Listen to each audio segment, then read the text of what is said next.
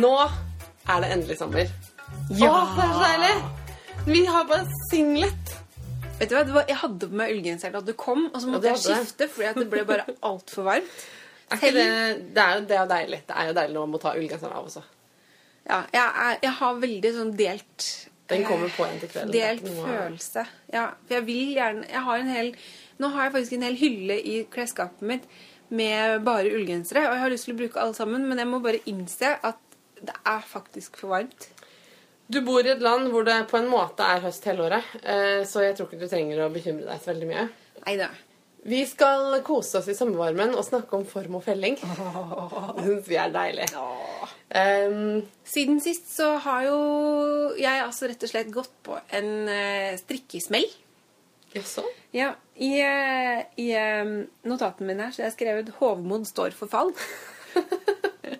Fordi jeg har rett og slett gått hen og strikka en helgenser som er en størrelse for liten. Nei Åh. Så i går satt jeg og tenkte jeg, hadde mm, frikveld. Fordi at eh, Roberto han skulle på sommerfest med jobben, så jeg kjøpte meg en flaske vin. og gleda meg så fælt til å ha en hel kveld alene hjemme. Og så tenkte jeg at ok, jeg burde gå ut og være sosial og så, sol og sommer og sånn, men bare, jeg klarte det ikke. Andre mennesker er veldig oppskrytt, ass. Ja, ja, det er jo det, faktisk. Ja. Folk som ikke strikker. Så satt jeg der og strikka. Jeg var så sliten, så jeg orka egentlig ikke å strikke. Men jeg jeg må, fordi at jeg, har fri, eller jeg er hjemme alene, og jeg skal, nå skal jeg kose meg! For søren! Og så begynte jeg å strikke litt, og så bare vet jeg må prøve den nå, for at den ser jo veldig liten ut. Og så tok jeg den på meg, og så var den enda litt mindre enn den så ut til meg.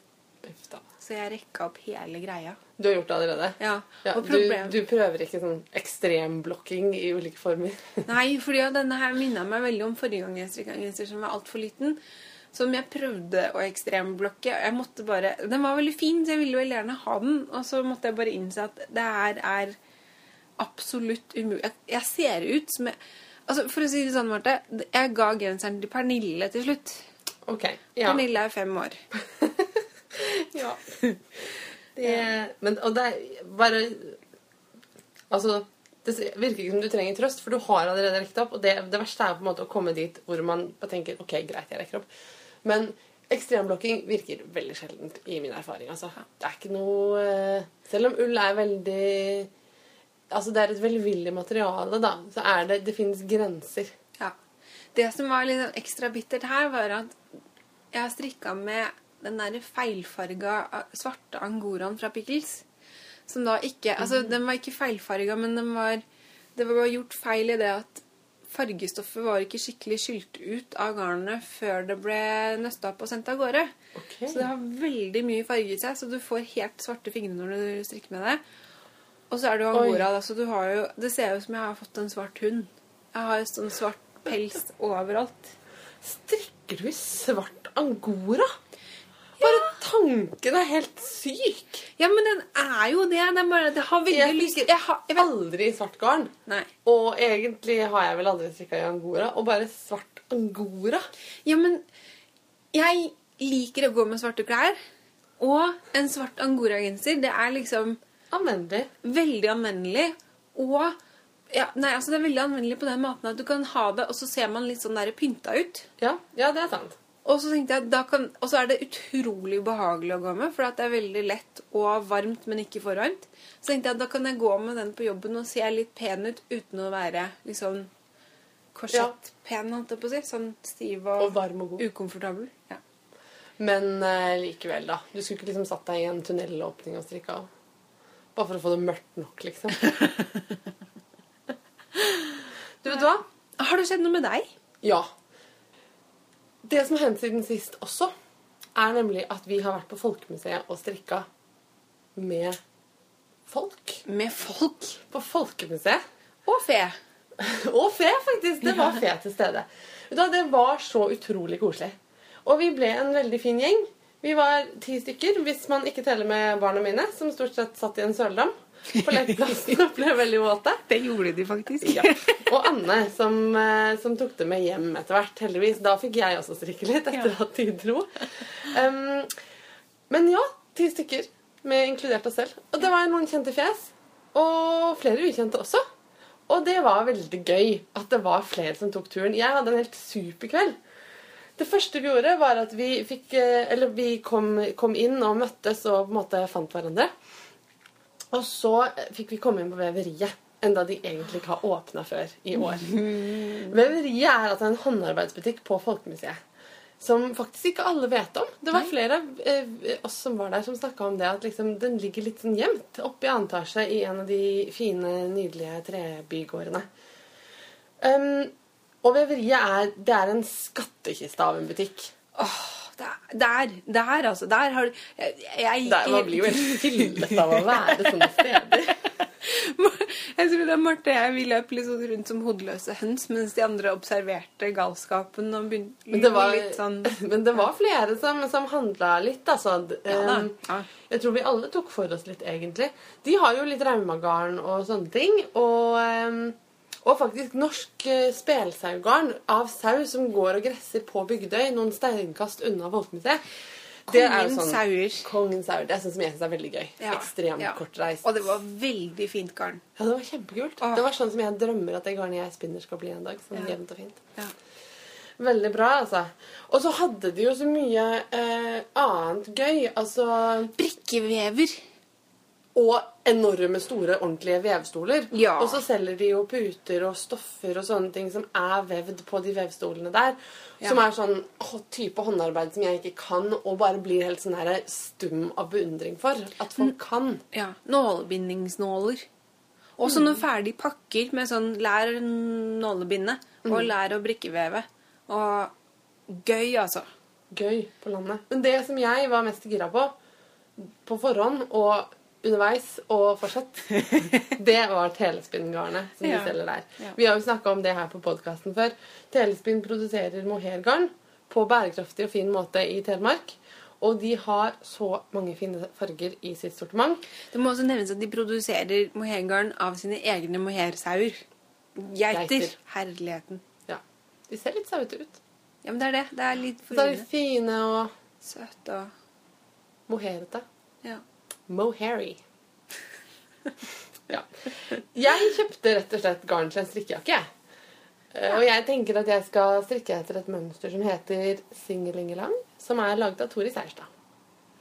Hun har laga mønsteret for å bli strikka i akkurat det garnet jeg har kjøpt, faktisk, som heter Symre. Og Så jeg tenkte jeg skulle prøve å gjøre alt etter mønsteret for en gangs skyld. Selv om nå fikk jeg en Wow. déjà vu-følelse av at dette har jeg sagt før. Men jeg tror, det, jeg tror jeg kjøpte en hespe for mye for lite. Og hvordan jeg klarte det, det Jeg husker at jeg sto der og sa sånn her Jeg kjøper alltid for mye. Nå skal jeg for en gangs skyld kjøpe for mye. Og så kjøpte jeg for lite. Så jeg lurer på om jeg må eh, tilbake. Tilbarsatt. Tilbarsatt. Eh, tilbakesatt, garsatt. Det som også er en, en mulighet der, Marte, det er at vi rett og slett må ta en liten ekskursjon til Telemark. For Telemark er ikke så sabla langt unna. Det er ikke det. Strengt tatt. Nei, og er jeg de som kom på, på Ja. Strikkearrangementet, skulle jo gjøre nettopp det i sommer. Ja, Monica, jeg tror. Det var litt kult. Etter at vi hadde vært på veveriet, satte vi oss på noen bord som var midt eh, imellom gressende kyr og sauer på den ene siden, og en verneverdig lekeplass fra 80-tallet på den andre. Som så akkurat ut sånn som lekeplasser gjorde da vi var små, før de fikk liksom gummimatter og trygge leketing. Nei, du, det fikk ikke jeg Fikk du ikke med deg? Nei, det? det var jo karuseller. en karusell der. Det fins jo ikke karuseller lenger. Nei. Dette var jo sånn gammel metallkarusell fra gamle der. Jeg følte meg jo helt hjemme der, jeg. Ja, Jeg tenkte ikke på at det ikke Antakeligvis var en har vi jo sklidd oss gjennom barndommen på sånne sklier hele Ja, men jeg, kjenner, jeg husker da godt at Mia slo opp leppa si på en sånn en. Hun Antakeligvis er det derfor de har forbudt nå. Ja, men Mia lever jo fortsatt i dag I beste velgående. Absolutt beste velgående. Alt som ikke dreper deg, gjør leppa di sterkere. Ja. Og mine to barn satt lykkelige og klissvåte i en søledam mesteparten av tida. Karin, som er vår inside woman at Folkemuseet, hun Karin, altså. hadde bakt svenske drømmer. Åh, og hun lagde kaffe til oss, og hun Ja. bare tok seg så godt av oss. Jeg vil bare si det er veldig takknemlig for Meget. Ja. I, I mitt manus her så står det at uh, Karin fiksa kaffe og solskinn, men det var kanskje ikke Karin som sto for solskinnet. Men det, det føltes litt sånn da hun kom med den kaffen, altså. ja, det gjorde det. Jeg hadde bakt muffins med sånn vekslende hell. Uh, uh, I hvert fall så satt vi og hadde det veldig veldig fint og strikka og strikka og strikka og snakka om det vi strikka, og så på hverandres strikking helt til parken stengte. ja. Og da var jeg og Urd og Karin vi var ikke helt mette ennå, så vi gikk videre til Majorstua og strikka videre med øl. Som også er en veldig fin ting å gjøre. Kort sagt, det var en helt super kveld. Jeg vil bare si stor, stor takk til alle som kom. Og til alle som ikke fikk med seg dette denne gangen. Altså, vi gjør noe lignende en annen gang. For det var Altså, ja, men det er verdens største opptur å snakke med andre strikkere. Som ikke syns at du er rar, selv om du snakker om garn i to timer. liksom. Og det er veldig deilig også for meg, da. em, og jeg vet at det, var flere småbarnsmødre der enn meg, og kanskje spesielt for oss, men jeg tror litt for alle så er det veldig deilig å møtes bare for å strikke og prate. Ja. Fordi strikking er noe som jeg gjør veldig mye sånn parallelt med og innimellom alle de andre tingene jeg gjør.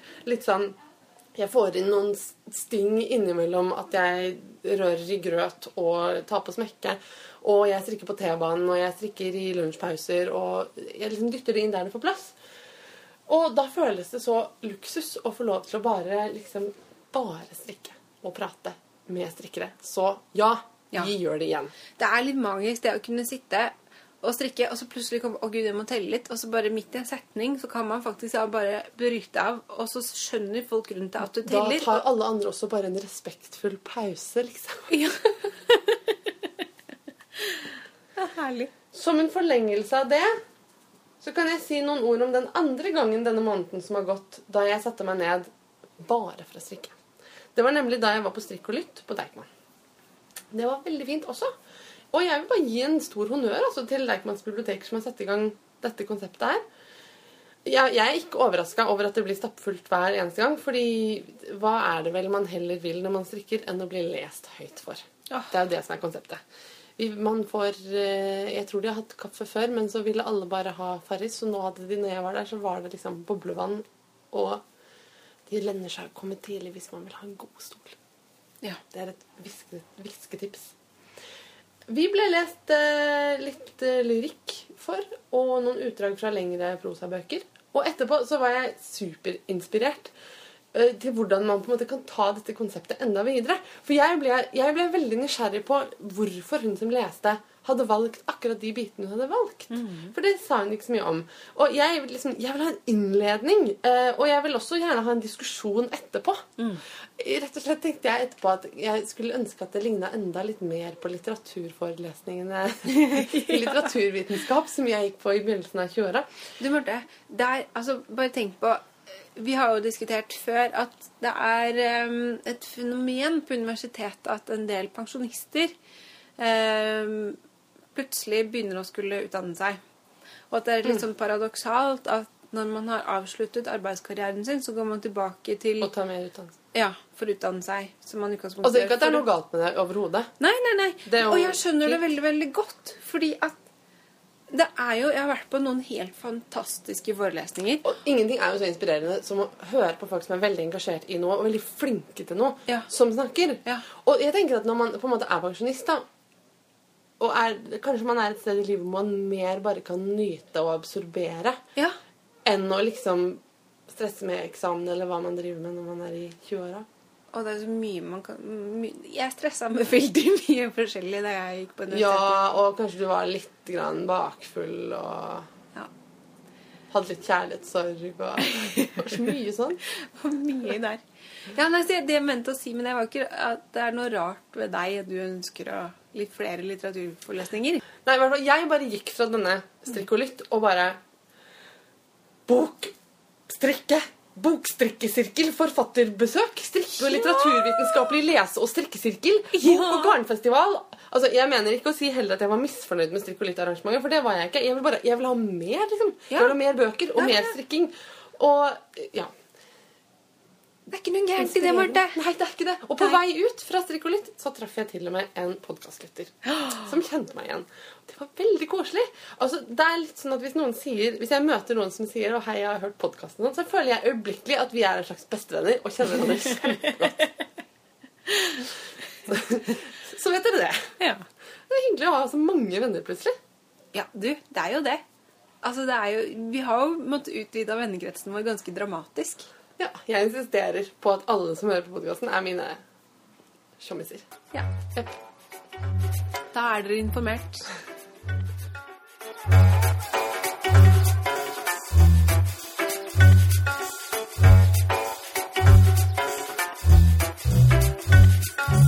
Men Marte, vi nevnte jo i en tidligere episode at vi måtte snakke litt mer om dette her med form og felling.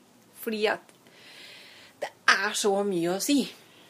Ja. Så vi har rett og slett da eh, dedikert liksom mesteparten av dette avsnittet her til å fortsette litt mer med disse nerdetingene våre.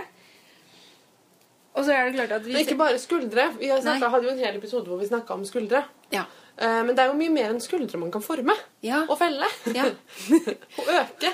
Og lage plass til i genseren sin og sånne ting. Ja.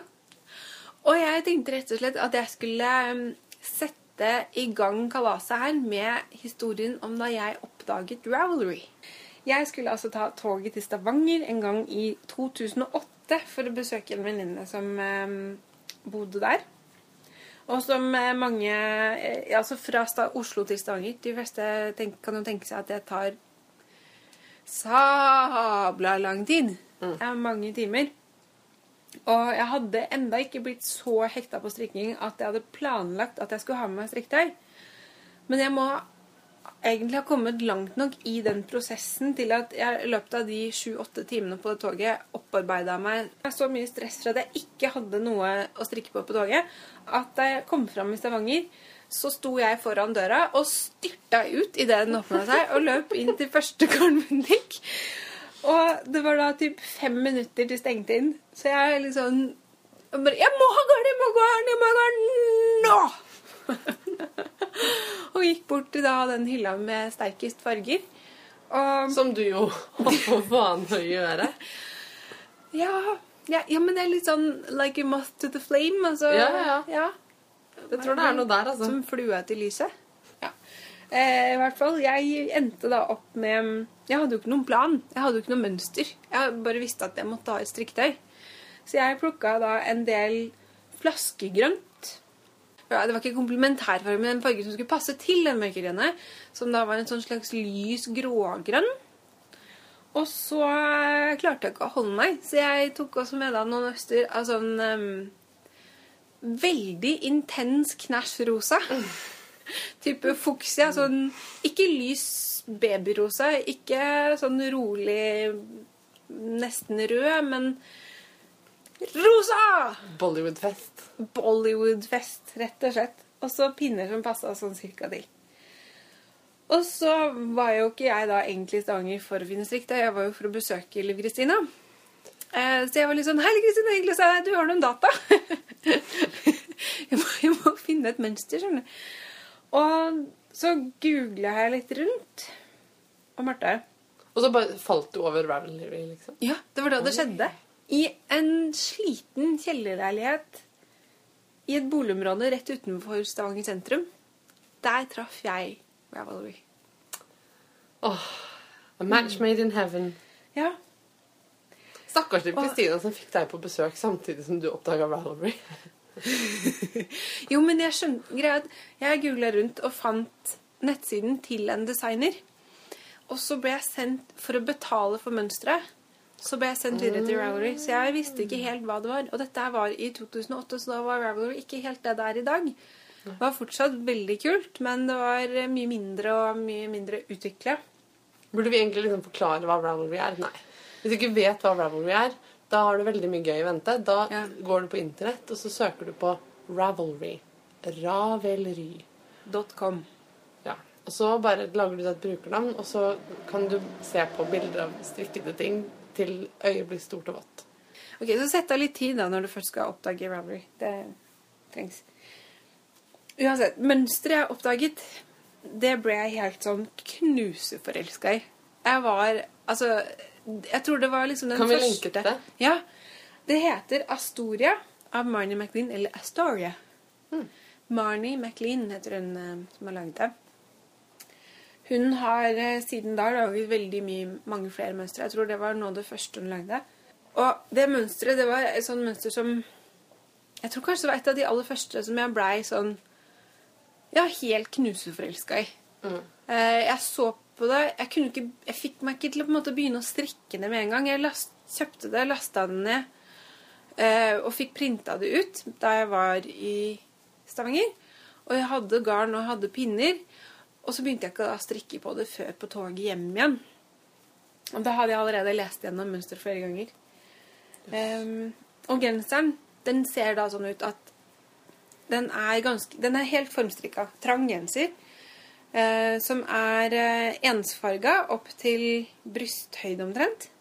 Og så er det et sånt bånd med mønster som er en slags sånn Jeg får litt assosiasjoner til sånn eh, greske bølgermønster. Nei, hva heter det? Meandermønster. Hmm. Eh, meander er jo Sånn som en elv som meandrerer, Ja. som er sånn Nettopp. Den svinger den veien, så svinger den andre veien, og så den veien. Ja, nettopp. Og dette her, jeg tror det er bølger. Så du kan se for deg som bølge, bua bølgetopp som svinger litt inn mot seg selv igjen, og så kommer det en ny bølge som sånne halvmåner som er på en måte bundet sammen med i bunnen. Det er litt vanskelig å forklare, men jeg vil linke til mønsteret, så kan dere se det. Og den er da liksom Kroppen er lilla, og så er det det båndet med eh, mønsteret. Er hvitt i bunnen med grå bølger. Og så er det bærestykket er grå. Og jeg hadde da funnet ut at jeg kunne faktisk Jeg valgte dette mønsteret fordi at jeg pass, hadde liksom nok garn av det grønne og Eller grønnfargene og det rosa til å strikke dette her. Og nå husker jeg ikke helt hvilken genial plan jeg hadde for å kombinere fargene som egentlig ikke kanskje passa sånn kjempegodt sammen, men eh, ja. Jeg begynte da å strikke på toget, som sagt. Og siden det var en lang togtur, så strikka jeg tror jeg faktisk hele kroppen, liksom. Opp til armene, før jeg innså at dette her blir altfor stort. Og så Ja. fant jeg ut at eh, ok, jeg hadde strikka typ fem timer intenst i strekk. Og fant ut at nei, jeg må prøve den på meg. Og så tror jeg jeg gjorde det på toget òg. Men eh, ja. Så jeg, fant, jeg måtte rekke opp hele driten. He, mm, hele stasen. og, så, og siden det så har den genseren aldri blitt realisert. Og, Har du garnet? Nei, det tror jeg jeg brukte andre ting okay. Ja, så den ble det aldri noe av. Men hva har dette med form og felling å gjøre? Ja, du. Der, nå kommer jeg til poenget, da. Ja. Ja, Det var at i mønsteret ditt så skriver hun Marnie måte, Dette her er mønsteret, sånn ser den ut. Vil, eh, Sånn kan du strikke den hvis du vil at den skal se ut sånn som på bildet. Men hvis kroppen din ser annerledes ut, så kan du gjøre sånn og sånn og sånn. og sånn, Som det her i stedet. Og da gikk det opp noe veldig veldig viktig for meg. Nemlig at man kan formstrikke ting og justere det veldig veldig enkelt til å passe til den kroppen du har. Og Marnie McLean har en veldig annerledes kropp enn meg. Hun har en sånn voldsom timeglassfigur med store bryster og Og smal minje og brede hofter. Og jeg er litt mer sånn planke. og det hun da skriver om, hvor hun beskriver at hvis du ikke har veldig innsvinget midje, så hopper du over de økningene og fellingene i midten av kroppen. Har du veldig stor byste, så kan du øke den siste biten, sånn at du får mer stoff på toppen av magen, liksom, som bysten tar over. Eh, har du masse sving og liten byste, så kan du øke Og dette er jo dette, Du og jeg har jo snakka om dette her i, i eh, alltid. Ja. Masse. Fordi Ja. det er jo eh, på en måte mm, noe av det som er veldig gøy med å strikke. Og det er en av grunnene til at jeg tror jeg aldri noen gang har klart å følge et mønster til punkt og prikke. Fordi at det er ikke automatisk sånn at den genseren som noen har designa eh, med tanke på sin egen kropp eller med tanke på et eller annet, eh, at den passer til deg. I Sånn som, man, sånn som du ser ut, da. I, jeg, jeg vil jo også beskrive meg som ganske liksom, plankerett. Jeg har ikke sånn veldig mye midje, og jeg syns det er veldig vanskelig å få til innsving av midje em, som blir fint på meg. Um, det som jeg har oppdaga med tid og stunder at går an, det er at jeg kan ha noe som slutter i midjen der jeg er smalest, og ha noe med høyt liv. Um, det funker. Men hvis, ikke, hvis jeg prøver å på en måte lage en lang genser som svinger inn, så syns jeg det er køl umulig å få den innsvingingen på et pent sted. Jeg har veldig lang overkropp, og det, det blir Jeg syns ikke det blir fint. Og jeg husker um, en av mine favorittdesignere, som er Kate Davies, jeg har snakket om det før, eh, Når jeg strikka Owls-genseren hennes, så strikka jeg den til søsteren min. Og før pleide jeg liksom alltid å kunne um, bare bruke meg selv som standard når jeg strikka ting til søsteren min. Eller kjøpte ting til søsteren min, fordi vi var veldig, veldig like i kroppen. Hun har alltid vært litt sånn smalere enn meg, men eh, så fikk jeg barn, og så endra alt seg veldig. Nå kan jeg ikke bruke meg selv som mal i det hele tatt lenger, men eh, det kunne jeg da jeg strikka den genseren. Og jeg tror jeg strikka den bolen fire ganger Ja. og rakk opp, fordi det bare Det funka ikke. Og så strikka jeg den bare rett uten å gjøre innsving, og da bare som en smekk. Ja. For det, altså, alle har jo sikkert prøvd på seg noen formsydde plagg hvor livet ikke sitter der hvor du har ditt liv. For folk har jo livet på helt forskjellige steder. Ja. Og jeg mener, Det ene er jo ikke noe penere enn det andre. Det er jo bare det at alle kropper har sitt eget eh, liv. Og det man da gjør for å formstrikke noe, for å liksom gå inn i teknikken på det Sånn som Astoria-mønsteret til Marnie McLean. Der begynner man nederst. Og så strikker du gjerne kanskje 10 cm rett opp fra, liksom, for å komme opp på hoftekammen. Og så begynner man å felle litt. Grann. Eh, kanskje, I sidene. Ja, i sidene. Og hva mener du da med å felle? Da strikker man masker sammen Mm. på noen slags vis. Og så når du har kommet til det punktet hvor du er smalest, altså fra hofta opp i det som da er livet, så kan man begynne å øke. Og da kan man jo se for seg liksom ribbekassa, at du skal ha du skal ha plass til den, og du øker og øker og øker ut mot skuldrene. Man gjerne har en litt sånn form.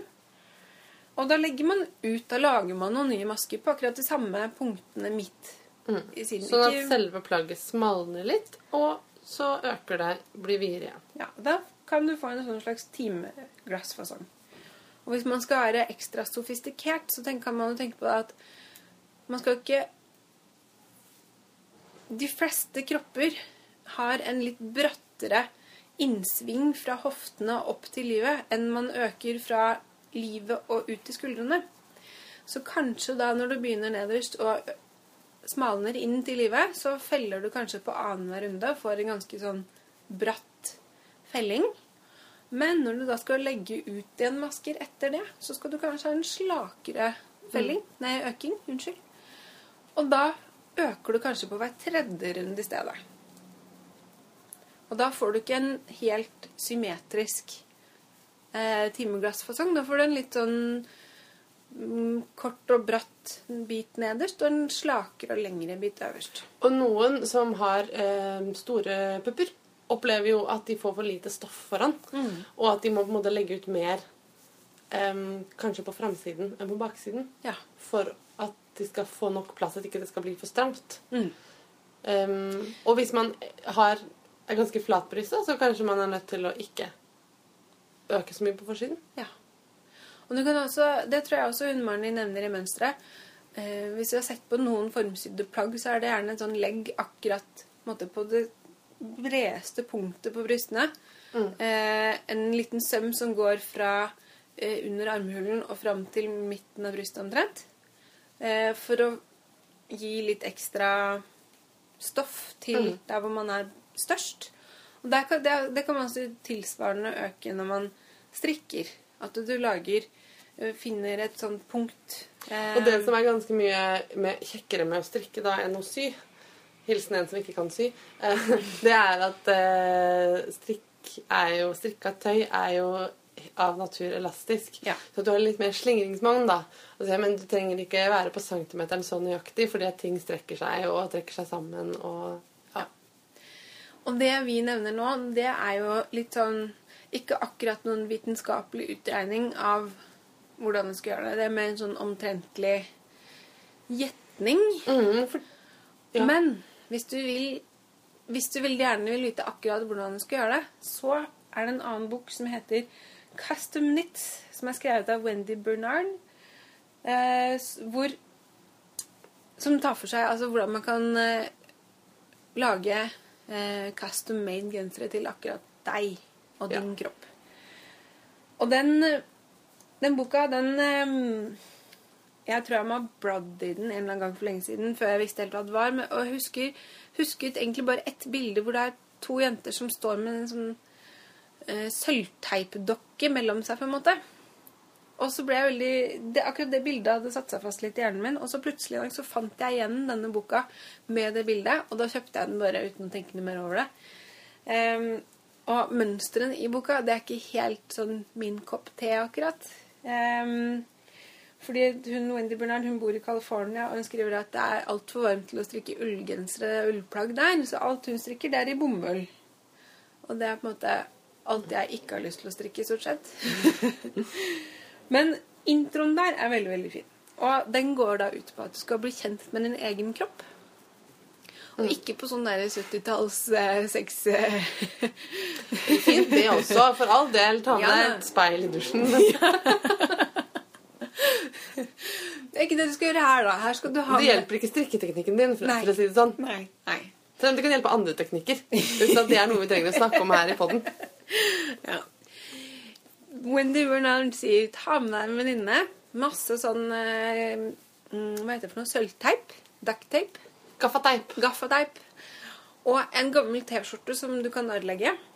Så tar du på deg denne T-skjorten, og så får du venninna di til å surre gaff gaffateip fra livet ditt Jeg har hørt at også liksom, kjærester og søsken og naboer kan brukes Ja. som teipsurrere. Det, det er et godt poeng, faktisk. Det, det kan du gjøre. Du kan kanskje ikke bruke bikkja di. Nei, jeg tror ikke det. Da må den være veldig godt trent. Ja, ja. Ja.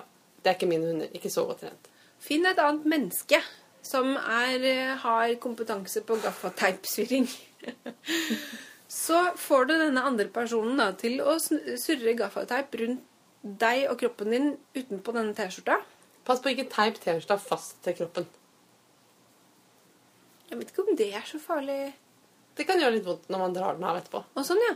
ja men poenget er at du skal ikke dra den av, for når du har fått gaffateip på alt som T-skjorta dekker, så må du klippe den av deg. Da er det ikke mulig å ta den av seg. Ja, så da tar du den av deg som en slags sånn brynje, liksom? Ja, du klipper opp bak på ryggen. Eh, du kan ikke ha på deg så veldig mye under, eller hvis du har på deg noe under, så må du passe på at du ikke klipper opp det også, da. Jeg vil ikke Ja. tatt, hatt meg. Du skal ha på deg så lite som mulig under, fordi at, Det skal bli en replika av kroppen din, selvfølgelig. ja. Ja. Og, Så det vil si, ta, ta med deg noe, en venn eller nabo eller, eller kjæreste som du ikke syns det gjør noe at ser deg i baris. ja. Eventuelt så kan du ha en BH under, da. Dette skulle være et sånn teknisk bra avsnitt hvor vi snakker om fornuftige ting. Så blir det bare tull. Ja, men det er fornuftig, Martin. må Det du- er sommer, vi er litt svette i pappen. Men Ja, eh, det er litt kokt i hjernen. Men, men uansett, det, det er ikke dumt, altså. For resultatet er jo da at du, får nesten en sånn slags avstøpning av kroppen din. Og som hun Wendy Bernard da skriver der, at det er ikke alle som har en helt fullt Eller de færreste har egentlig et realistisk bilde av formen på kroppen sin. Man går jo med den hver dag, men man tror Man, man er ser den jo aldri utenfra, da. Nei, ikke sant? Man kanskje litt mer farget av hvordan man syns at ting burde ha vært, istedenfor sånn som det faktisk er. Jeg kunne laget liksom tre hele podavsnitt bare om kroppsbildet. Ja. Og alle mine meninger om folks Ikke folks kroppsbilder, men ja, skjønnhetsidealet etc. Men det tror jeg Jeg skal prøve å legge lokk på det nå. Vi kan ta det en annen gang, kanskje. Vi kan i hvert fall la det sånn sipe inn her og der. Ja. Poenget er da, altså, i og med at vi snakker om form og felling her, at du lager en, liten, en slags dokke da, av hvordan kroppen din ser ut, og så kan du måle på den. Da har du den framover, som du kan måle på og finne ut av hvordan du kan, Om du vil, så kan du jo kle på de genserne du strikker, på den Den blir jo ganske stiv, den der brynja, på en måte. Ehm, og da er det også veldig lett å se forskjell på plagg som sitter løst på, plagg som er trange, plagg som er oversized. Og da kan man på en måte se i full størrelse da, hvor, hvordan ting skal se ut. Eller kan se ut. Eller hvordan du vil at ting skal se ut på deg. Jeg må bare si at det finnes masse regler i diverse teite blader og sånne ting. Om sånn, hva slags klær til hva slags kroppsform og sånne ting. Ja. Og jeg, veldig, jeg mener veldig bestemt at man ikke må la seg begrense av sånne regler. Altså regler for hvordan man ikke må kle seg hvis man har sånn rumpe og sånne skuldre og sånn kropp. Fordi altså, fuck skjønnhetsidealet. Din kropp er super. Ta på deg ting som du liker og syns er fint. Ja. Og jeg har skyte inn en ting til når det gjelder sommerkroppen 2015, som jeg har fått med meg at folk diskuterer. Jeg vil bare si én ting. Sommer pluss kropp er lik sommerkropp. Ferdig snart. ja. Vi har sommerkroppen når sola skinner. ja. Det Alle mann. Godt Det er ikke sagt. noe å stresse med, liksom. Nei. Jeg syns at de som ser flotte ut, er de som er komfortable med det de har på seg, eller som føler seg komfortable der og da. Og ofte så er ikke det noe sammenheng mellom hva de har på seg, og hvordan de føler seg. Ja, jo, jeg, jeg, noen ganger så leser jeg sånne regler som jeg bare ikke skjønner noe av. Litt sånn, hvis du har en stor rumpe, da må du ha på deg en lang jakke som skjuler rumpa di. Hvorfor det? En stor rumpe kan jo være kjempefint. Kan du ikke ha på deg noen fine klær, da, så folk ser hvor fin den store rumpa di er? liksom? Ja. Hvorfor skal man liksom si at stor rumpe nødvendigvis er stygg rumpe? Jeg har sett mange store, fine rumper i mitt liv. Ja, og hvis du da tar på deg noen som det står i et eller annet blad er riktig at du skal ha på deg, og du føler deg helt jævlig i det, så kommer du ikke til å se fin ut. For hvis du går rundt og er helt stiv og ukomfortabel og rar, så kommer du til å se stiv og ukomfortabel og rar ut. Så jeg syns du skal hoppe i havet og ta deg et bad. Det er deilig. Ja.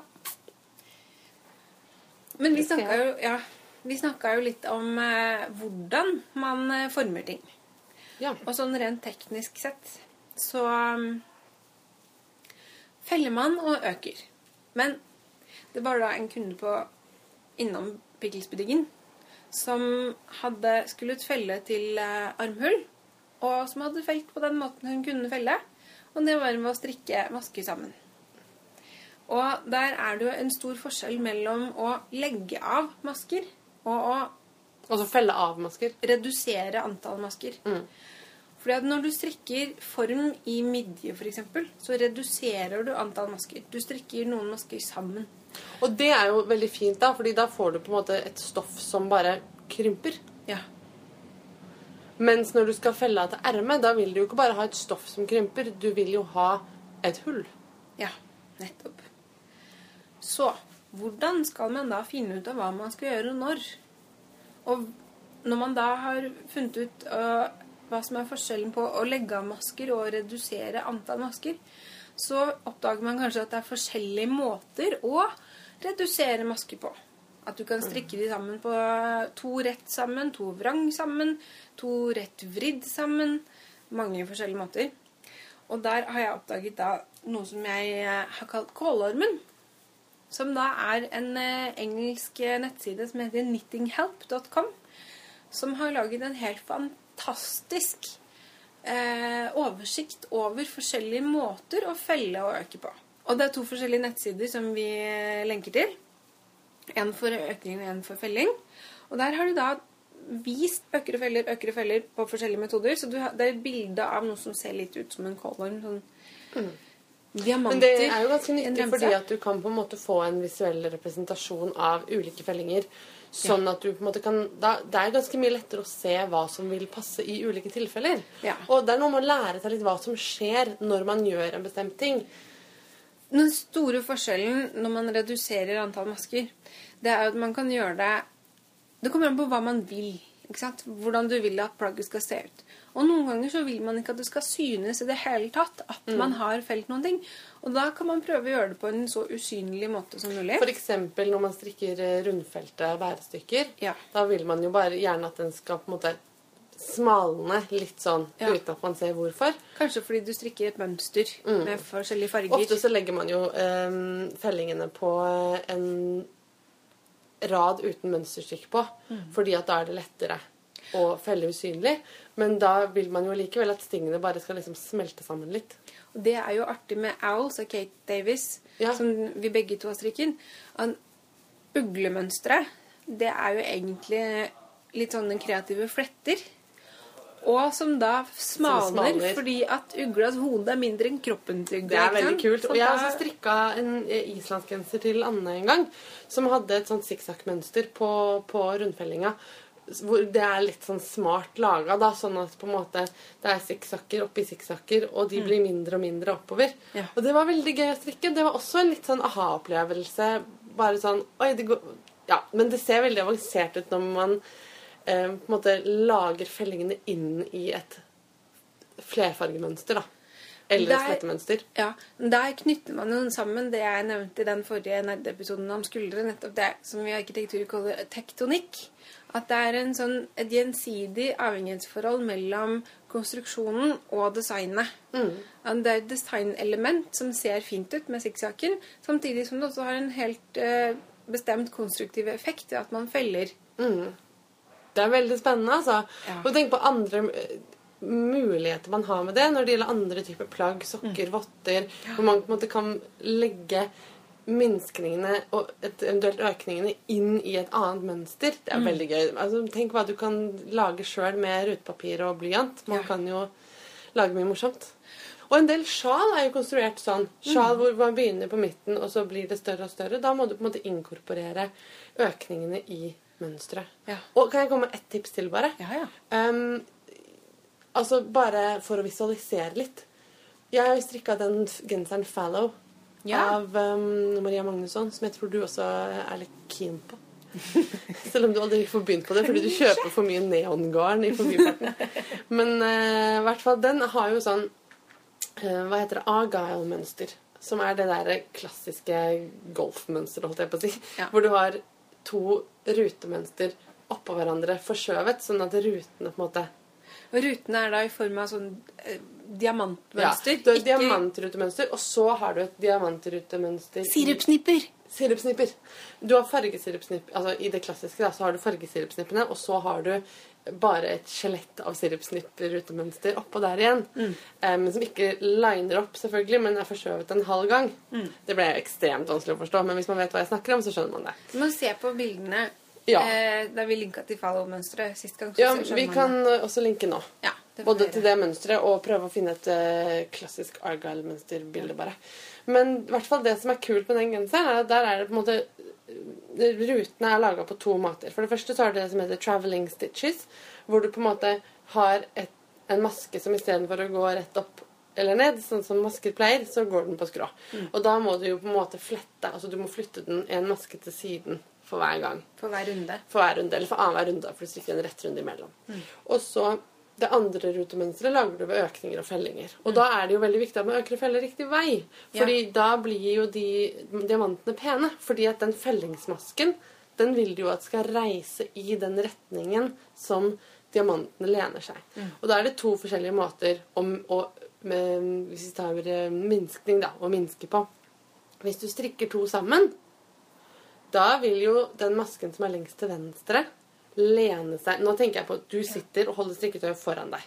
Du har høyre hånd og venstre hånd. Strikk to sammen. Da tar den masken som ligger lengst til venstre, og lener seg over den til høyre, sånn at du får en em, kant som lener seg lett mot høyre. Venstre. Vent litt. Nå skal jeg gjøre det på strikketøyet mitt som er her. Nå strikker jeg to sammen. Nei da, det er sånn som jeg sier. Ja. Den lener seg lett mot høyre.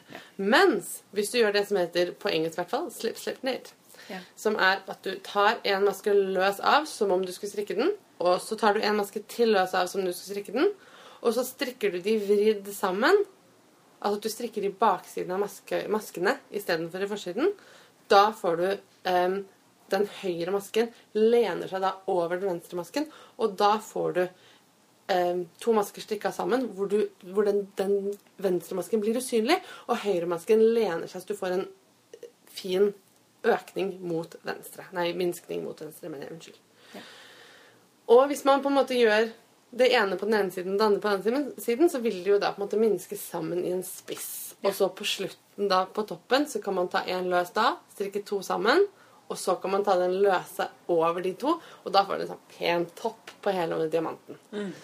Men bare på en måte å internalisere de tingene der, sånn at man kan på en måte se hva som trengs å gjøres, det syns jeg er veldig nyttig. Og så finnes det jo en tilsvarende mm, måte å øke masker på, som heter make one left, make one right på engelsk. Det Ja. Det er forskjell... Altså, det, den metoden Marte nettopp forklarte nå, det er én måte å gjøre det på. Og så kan man minske på andre måter også, Ja, ja. som gir altså samme effekten, men et, kanskje et litt annet utseende. Bare som en sånn litt apropos til det, at noen ganger så vil man jo at økningen skal synes veldig godt. F.eks. når man strikker en raglan-genser, så er det gjerne kanskje et fint element å, å vise raglan ekstra tydelig. Og det er veldig vanskelig å gjøre en raglanøkning usynlig, for å si Ja, sånn. det er det. Du må gjøre et eller annet der, på en Ja. måte. Så veldig ofte så har man enten to masker i midten som man ikke gjør noe med, som man bare strikker, Mm. som da blir liksom en stripe. Det kan være fint. Ja.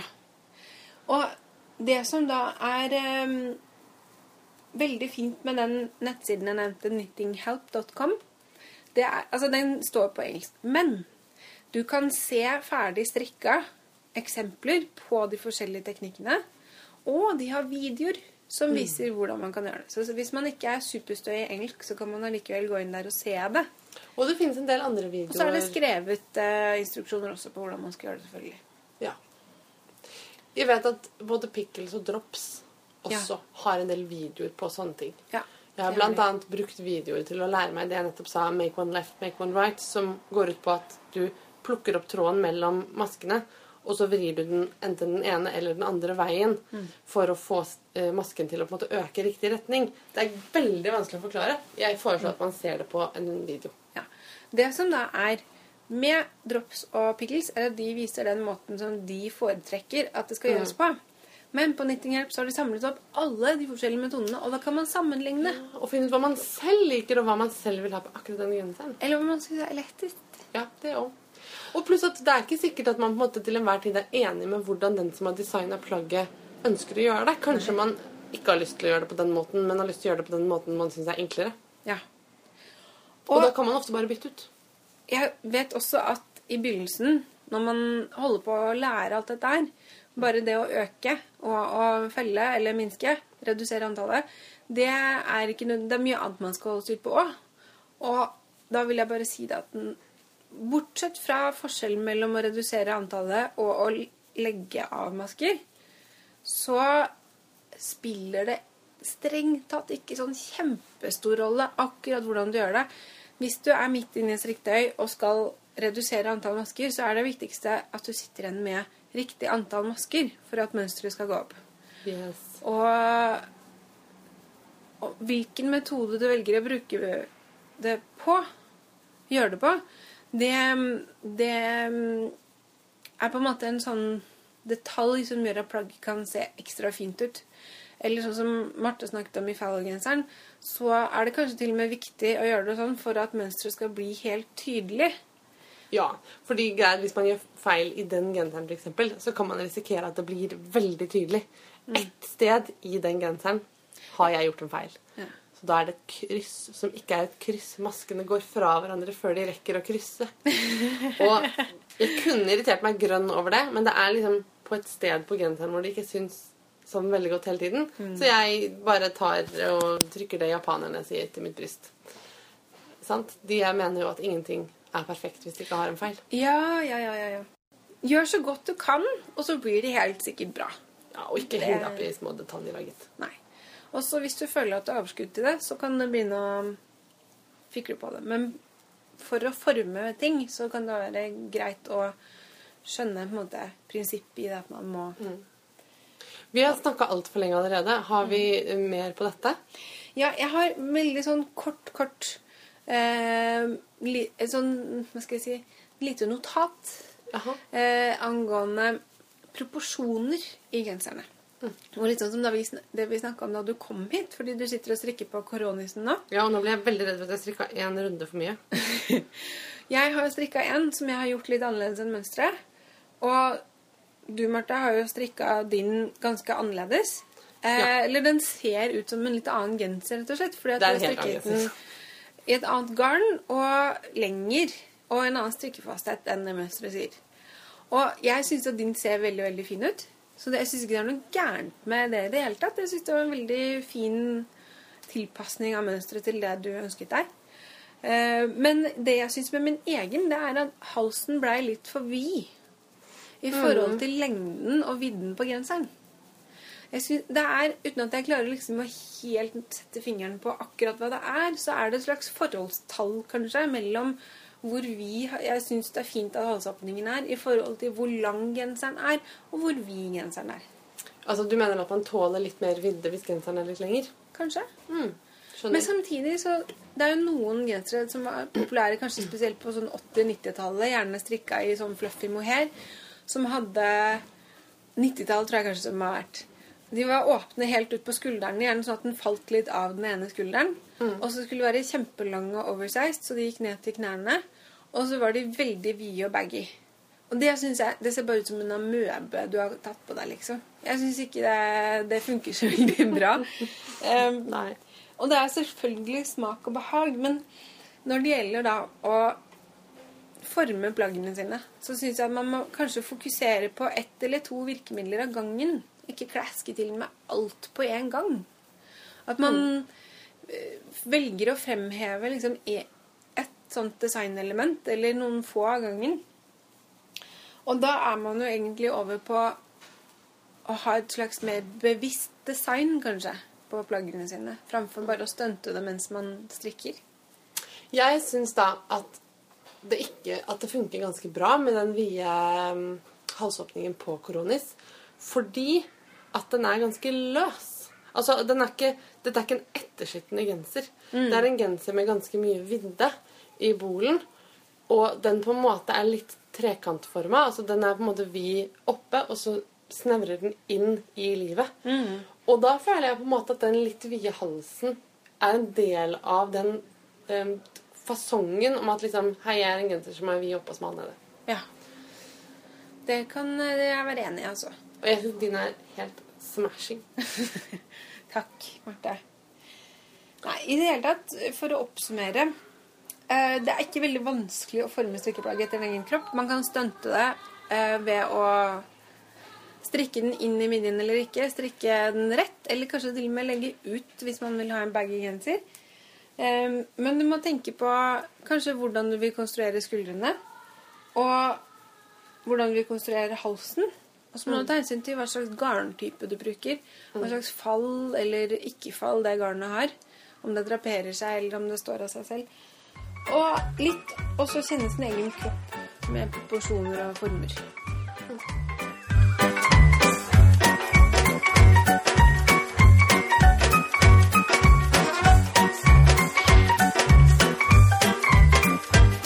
Jeg kan jo fortelle om da jeg skulle lære mamma å eh, strikke raglan. Ja. Det var veldig interessant. Altså, det fins to grunnleggende måter å tilnærme seg strikking på. Um, noen tenker at strikking det fins det folk som er eksperter på.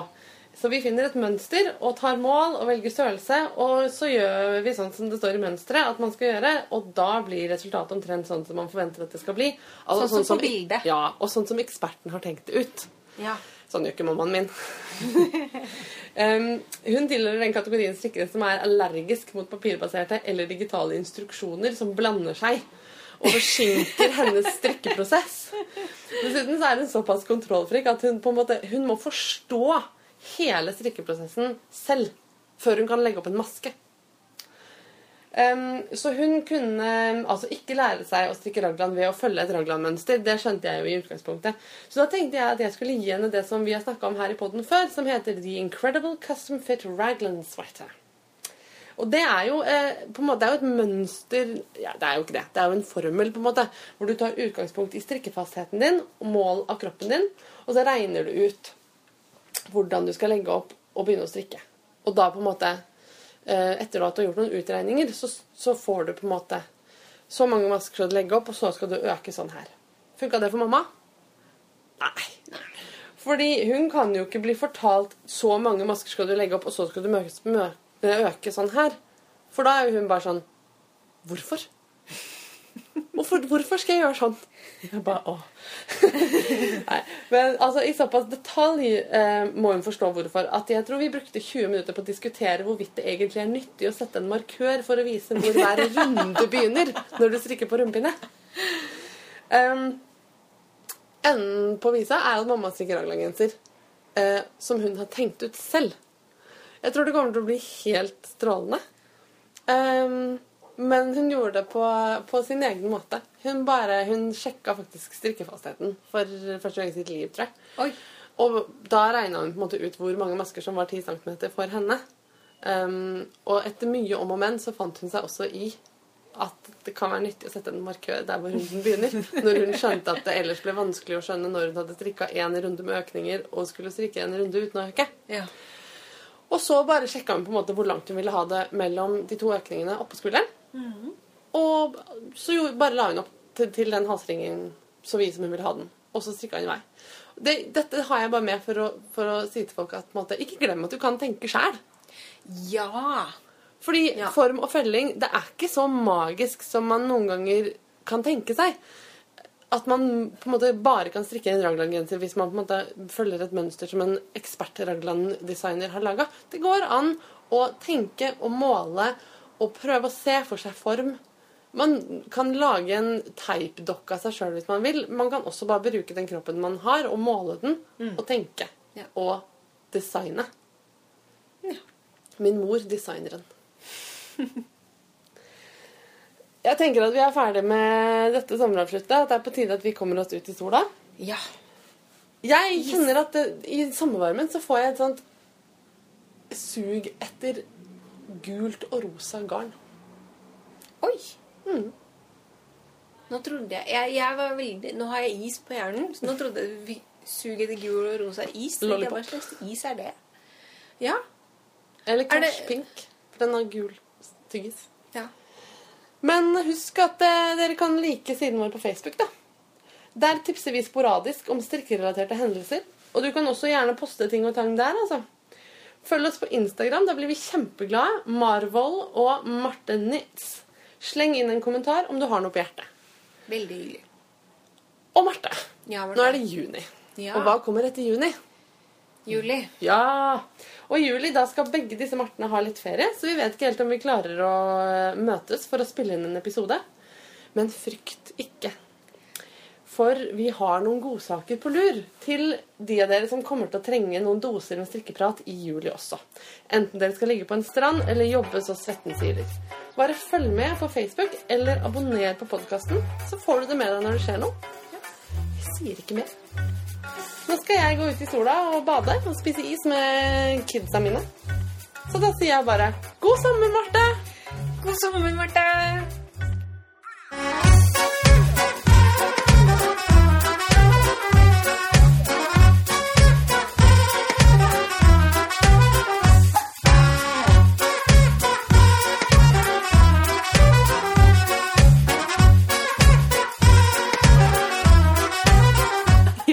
Jeg må gå og hente eh, garnnøstet mitt. Oh, ja. Nå har jeg plukka opp sting rundt hele ermet, men ikke har jeg noe garn å strikke med. Straks tilbake. Uru.